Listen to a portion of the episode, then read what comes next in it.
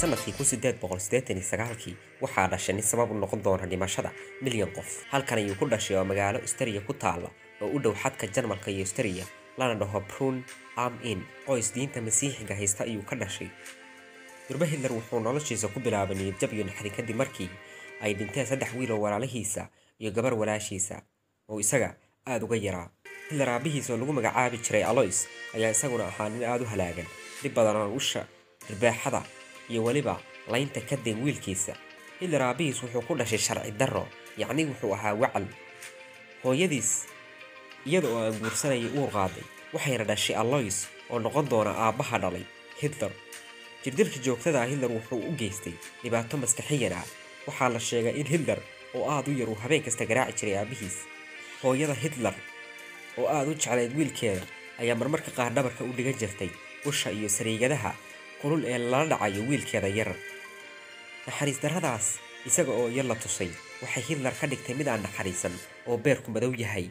Jirdilka iyo nolosha silaca ayaa bartay inuu noqdo iskoris aaminsan halaagga iyo dhibaatadu inay qayb ka yihiin horumarinta iyo weliba xaqiijinta awood nafsaani ah. Saddexdii waxaa dhintay hitler aabihiis. Hitler xilligaasi iskool ayuu bilaabay waana halka ay ka bilaabatay aragtida hitler ee salka iyo baarka ku haysay greta german ama samaynta jermal weyn iyo aaminaadda in australia iyo jarmalku ay noqdaan hal dal oo midaysan sannado kadib iskoolka wuu ka haray. Wuxuuna go'aansaday inuu noqdo farshaxamiiste xirfad leh oo wax sawira. Balse nasiibdaro waxaa qalbigiisa sidii gantaalka u gelgelay diidmadii uu macadka farshaxanka ee vienna diiday una sheegay inuusan aqoon xirfadda sawirka. Niyadjabkaas waxaa u xigtay dhimashada hooyadiis clara oo kansar u dhimatay. Dhimashada hooyadiis waxay ku noqotay hug bogga kaga taalla maadaama uu cidloon doono rajinimana ku dhammaysan doono noloshiisa mar labaad ayuu dib ugu laabtay macadkii farshaxanka balse markaan waa la diiday weliba waxay ahayd fursaddiisii ugu dambaysay ee uu ku geli lahaa machadka hitler wuxuu waayey meel uu hoy ka dhigto yacnii guri uu dego. Wuxuuna ugu dambayntii degay hoy loogu talagalay dadka derbijiifka ah. Halkan waa meel uu wax badan ka baran doono. Maxaa yeelay si daran ayaa hoygaas loogu dhex diri jiray. Waxaana sii korortay cadaawaddii iyo xaasidnimadii ay noloshu bartay wuxuu buuggiisa main camf ku yidhi xilligaas waxa uu iga dhigay mid adag welina waan awoodaa ahaanshaha mid adag. Si uu nolol u helo wuxuu bilaabay inuu iibiyo sawirro uu isagu sawiray. Sidoo kale wuxuu noqday in aad wax u akhriya. Sidoo kale wuxuu bilaabay in siyaasadda uu ildhow kula socdo. Aad ayuu u dhacbaa ugana soo horjeeday. Nidaamkii shuuciyadda gaar ahaan wuxuu aad ula yaabay sida ay u adeegsan jireen galmoodfallada qaharka iyo laynta si ay siyaasadahooda u meelmariyaan. Taas ayaa dhiirigelisay wuxuuna yidhi waxaan fahmay muhiimadda jirdilka iyo qahar. Vienna isaga oo ku nool ayay indhihiisu yuhuudda aada ugu bateen. Boqol toddobaatan iyo shan kun oo yuhuuda ayaa xilligaas ku noolaa vienna. Wuxuu bilaabay inuu karhado weliba uu nacayb xaddaaf ah u qaado. Wuxuu buuggiisa ku leeyahay meel walba oon tago waxaan isha ku dhifanayay oo arkaya yuhuud mar walba oon arkona waxay indhahayga ka tirtirayeen bini aadantinimada aan yuhuudda u hayay. Waxaan isu rogay inaan noqdo mid yuhuudda dunida ugu nacab wuxuu mar kale leeyahay vienna waxay qalbigayga kaga tagtay arrimo badan. Waxay ii ahayd iskuulaan ka bartay ideolojiyad ama aragti siyaasadeed oo aan abid iga harin. Isaga oo yuhuudda nacaybkaas u qaba ayaa waxaa bishii agost kii la yeeriyey firimbigii dagaalka. Waa bilowgii dagaalkii koowaad ee dunida. Hitler safka hore ayuu galay isaga oo aada u faraxsan.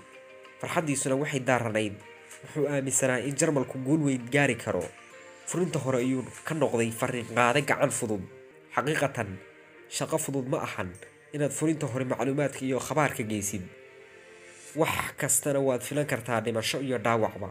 Hitler oo ahaa geesi ayaa sannadkii ugu horreeyay ee dagaalka waxaa lagu abaalmariyey biladda geesinimada ee loo yaqaano birta cas coveted iron cross.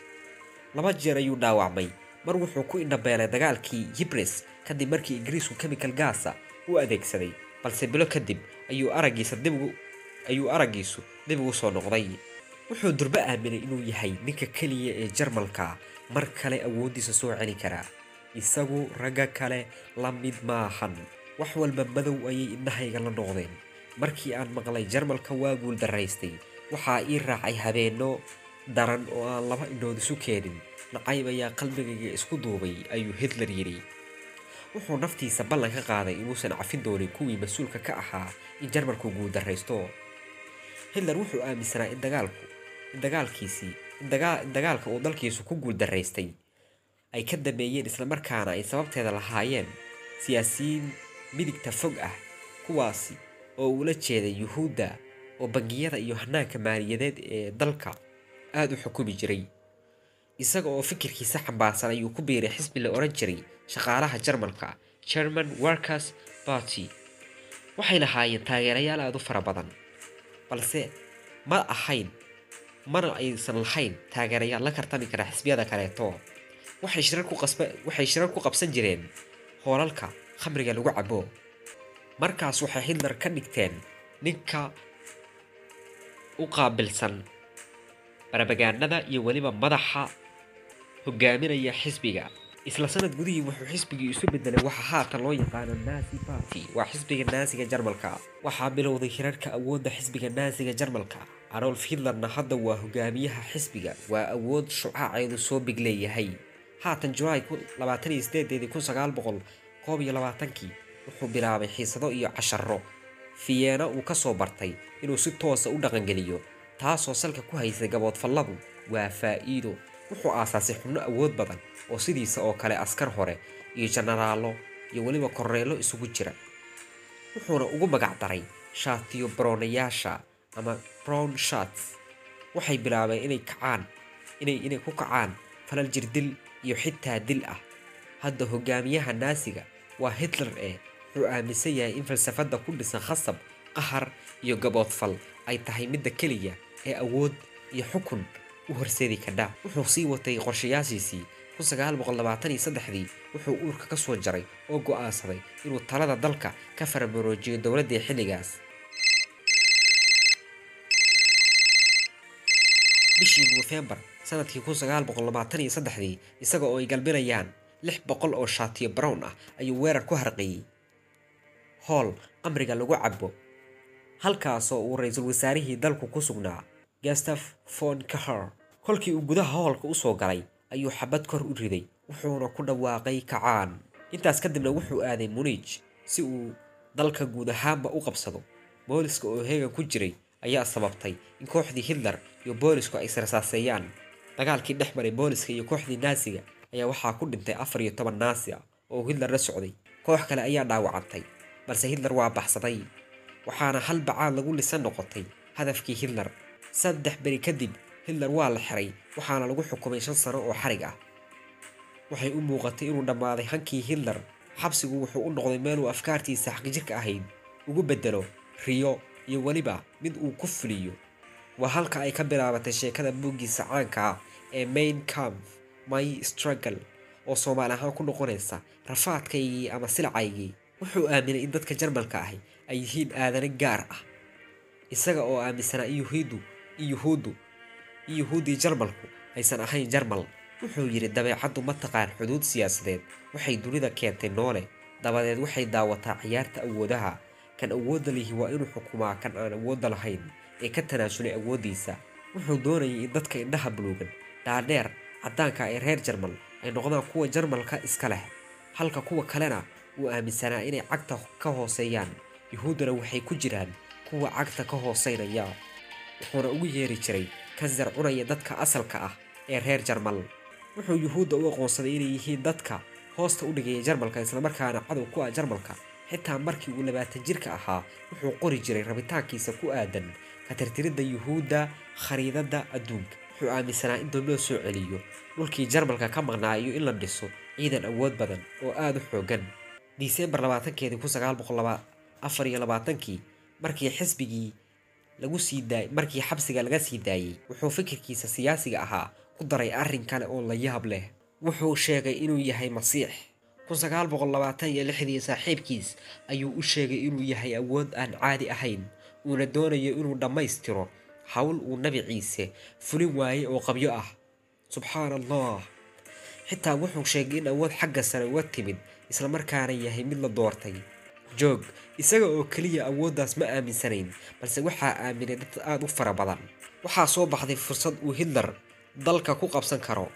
Waxaa kun sagaal boqol labaatan iyo sagaalkii bilowday jahwareerkii dhaqaale ee weynaa the great depression markaas oo ay lix milyan oo jarmal ah shaqo la'aan noqdeen taasoo aada loogu dhaliilay xukuumaddii xilligaas talinaysay. Taasi ayaa dhabaha u xaartay in hitler uu barbagaanadiisa xarkaha ka furo saddexdii xisbigii naasigu wuxuu noqday kan ugu awooda badan jarmalka. Taas ayaa sabatay in hitler uu ku soo baxo doorashada. Hagaag iminka wuxuu ku yimi iminka wuxuu yimi meel uu muddo ku haminayay. Inkasta uu qaab dimuquraadiyada ku yimi waa hogaamiyaha jarmalka haatan. Isaga ayaa haatan go'aaminaya cidda daaqaysa iyo cidda laga warfinayo dunida ee la dilayo wuxuu bilaabay inuu nadiifiyo dalka oo uu keliya ku soo reebo dadka aryaaniska ah kuwaasoo u yaqaana inay yihiin dadka jarmalka asalka ah. Wuxuu bilaabay arrin la yaab leh weligaa ma aragta wan ama awr la tumayo oo xiniyaha laga saarayo. Hitler wuxuu bilaabay inuu tumo sterilisation ku sameeyo afar boqol oo kun oo qof si aysan wax ubada u dhalin. Sababtuna waxay ahayd wuxuu u arkayay inay ahaayeen dadaan asal ahaan jarmal ahayn oo yuhuud iyo isro kale ah afar kun oo shuuciyad aaminsanaa ayuu jir dilay wuxuuna sheegay in xisbiga keliya ee jarmalka laga ogol yahay uu yahay xisbiga naasiga hitler wuxuu lahaa saaxiib la oran jiray ernest rom. Wuxuuna ahaa ninka keliya ee uu u ogolaa inuu hitler ugu yeero magaciisa hitler. Dadka kale oo dhan waxay ugu yeeri jireen fehrer oo macnaheedu tahay hogaamiye. Adolf hitler wuxuu qooshay dhagar weyn wuxuu isugu yeeray qaar fara badan oo ka mida shaatiyo brownyaashii wuxuuna u sheegay inay yimaadaan howl khamriga lagu cabo halkaas markii uu yimi wuxuu habeenkii u tegay saaxiibkiis ernest rob wuxuuna ku yidhi rob saaxiib waad xiran tahay. Maxaa yeelay khiyaano ayaad waday. Wuxuuna isla habeenkii xiray laba boqol oo ilaaladiisa ka mid ah. Qaar fara badan ayuu laayay. Dadka la laayay waxaa ka mid ahaa ernest rob oo ahaa saaxiibkii khaaska ahaa ee hitler. Wuxuu laayay baadaryo fara badan cadowgiisii siyaasadda ayuu xabad xabad uga takhallusay. Dadka uu laayay waxaa ka mid ahaa hogaamiyihii hore ee jarmalka cat von skelger oo gurigiisa uu ku dilay. Markii uu intaas sameeyey wuxuu kabaha u iladay fulinta ballan uu naftiisa horey uga qaaday kaasoo ahaa ciribtirirka yuhuudda. Wuxuuna ku bilaabay in sannadkii kun sagaal boqol soddon iyo shantii uu soo saaray sharci mamnuucaya in dadka jarmalka ah iyo yuhuuddu ay isguursadaan wuxuu sidoo kale yuhuudda ka xayuubiyey muwaadinimadoodii iyo xuquuqdoodii aasaasiga ahayd. Waxaa yuhuudda lagu khasbay inay xirtaan oo qoorta gashtaan calaamadii caanka ahayd la oran jiray calaamadda huruudda the yellow baton taasoo looga dan lahaa in lagu aqoonsado yuhuudda. Sidoo kale askarta naasiga ayaa hor istaagi jiray dukaamada yuhuudda iyaga oo odhanaya waxba ha ka iibsanina yuhuudda. Hitler horey ayuu u sii watay qorshihiisa wuxuuna bilaabay tirtiridda yuhuudda wejiga labaad ee tirtiridda yuhuudda. Dabadeed waxaa xigay habeenkii caanka ahaa ee loogu magac daray habeenkii galaas jebinta the night of breaking glass. Habeenkaas waxay naasigu laayeen yuhuud fara badan waxayna dumiyeen ilaa toddoba kun oo ganacsi oo ay yuhuuddu lahaayeen. Wuxuu markaan hitler u soo jeestay inuu dhiso ciidan adag maxaa yeelay cahdiyadii iyo heshiisyadii dagaalkii koowaad ee dunida ayaa jarmalka ciidankooda ku xadidayay keliya boqol kun oo askari balse sida uu hitler ka ballan qaaday naftiisa ee uu ku qoray buuggiisa waa in uu ciidan xooggan dhisto. Waxa uu markii ugu horreysay ciidankiisa u diray greenland oo ah dhul jarmalka ka mid ahayd ka hor dagaalkii koowaad ee dunida. Balse sida uu hitler buuggiisa ku qortay waa in uu soo cesho dhulkaas. Laba sano kadib wuxuu ku duulay australia isaga oo fulinaya rabitaankiisii xilligii uu yaraa kaasi oo ahaa midaynta australia iyo jarmalka. Hal sano kadib wuxuu u ruqaansaday jekoslovakia isaga oo qeyb ka mida qabsaday maadaama ay dad jarmal ahi deganaayeen. Waxyar kadibna guud ahaanba waa la wareegay. Faransiiska iyo ingiriisku waa ka aamuseen waxayna sheegeen in ay dagaalka geli doonaan marka uu Poland weeraro. Kowdii Sebteembar kun sagaal boqol soddon sagaalkii hitler wuxuu weeraray poland waana halka uu dagaalkii labaad ee dunida ka bilowday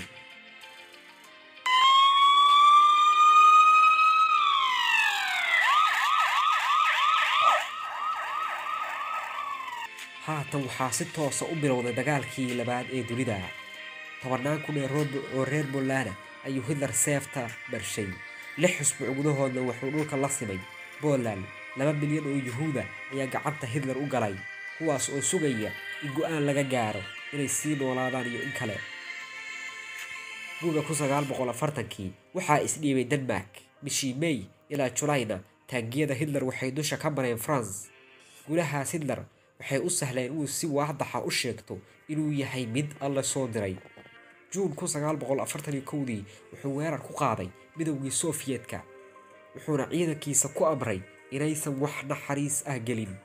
Maxaabiistii midowda sofiyetka wuxuu hitler u diray kaamam halkaasoo laba milyan iyo lix boqol oo qof ay gaajo ugu dhinteen halka nus milyan kalena lagu laayay. Unugyo gaara oo si aada loo carbiyey ayuu hitler diyaarshay si ay u laayaan yuhuudda maadaama uu aaminsanaa in yuhuudu tahay kansar adduunka ku dhex jira islamarkaana ay tahay in laga jaro. Poland iyo sofiyet oo yuhuud fara badan ku noolaayeen ayuu gumaadka yuhuuddu ka bilowday. Hal milyan iyo shan boqol oo kun oo yuhuuda ayaa sidaas lagu laayay. Si uu hitler u sii wado ciribtirka yuhuudda wuxuu bilaabay qorshe lagu sii ururinayo caruuraha lixaad kala ee yuhuudda kuwaasoo guryaha laga soo kaxayey lana cusbitaallo gaara oo lagu khaarijiyey lix kun oo carruur lixaad kala. dadka la khaarijiyey waxaa ku jira carruur indhahala kuwa dhagahala qaar waalan qaar curyaamo ah iyo weliba qaar kale. Disembar kowdii. maxaa dhacay? wuxuu bilaabay howlgalkiisii ugu dambeeyey ee lagu tirtirayo yuhuudda. Hitler wuxuu poland ka dhisay shabakado kaamam ah oo loogu talagalay in yuhuudda lagu xasuuqo kaamamkaasoo kale ahaa bel zeta zababal trabalinka maidanek iyo sijift waxaa la soo ururiyey yuhuud fara badan oo yurub dacalladeeda laga keenay waxaana la keenay poland qaybo fara badan oo iyaga ka mid a ayaa gaajo u dhintay kadib markii lagu xiray kaamam iyo xerooyin poland ku yaalla iyaga oo cunadiina laga jartay. Markii ay isku dayeen inay dabadda u soo baxaanna waxaa ka horyimi unugyo unugyo loo carbiyey inay gumaadaan kuwaas oo markii hore kala saaray iyaga iyo qoysaskooda. Qof walbana meel gaara ayaa la geeyey. Intaas kadibna waxaa yuhuudda lagu amray inay dharka iska baxshaan waxaana lagu aruurshay qolal iyaga oo sidii inay qubaysanayaan oogada looga qubay gaas kemikaala cabaadka baroorta iyo qaylada argagaxa leh ee carruurta haweenka iyo dadka da-da ah ayaa guud ahaanba ruuxday meeshii ugu dambeyntii hitler wuxuu u tafaxaytay sidii uu u soo afjari lahaa geemka. Wuxuu yuhuudda ku eedeeyey inay iyagu ka dambeeyeen islamarkaana ay iyagu islaynayaan. Gumaadka dhexdoodana ay iyagu isku wadaan.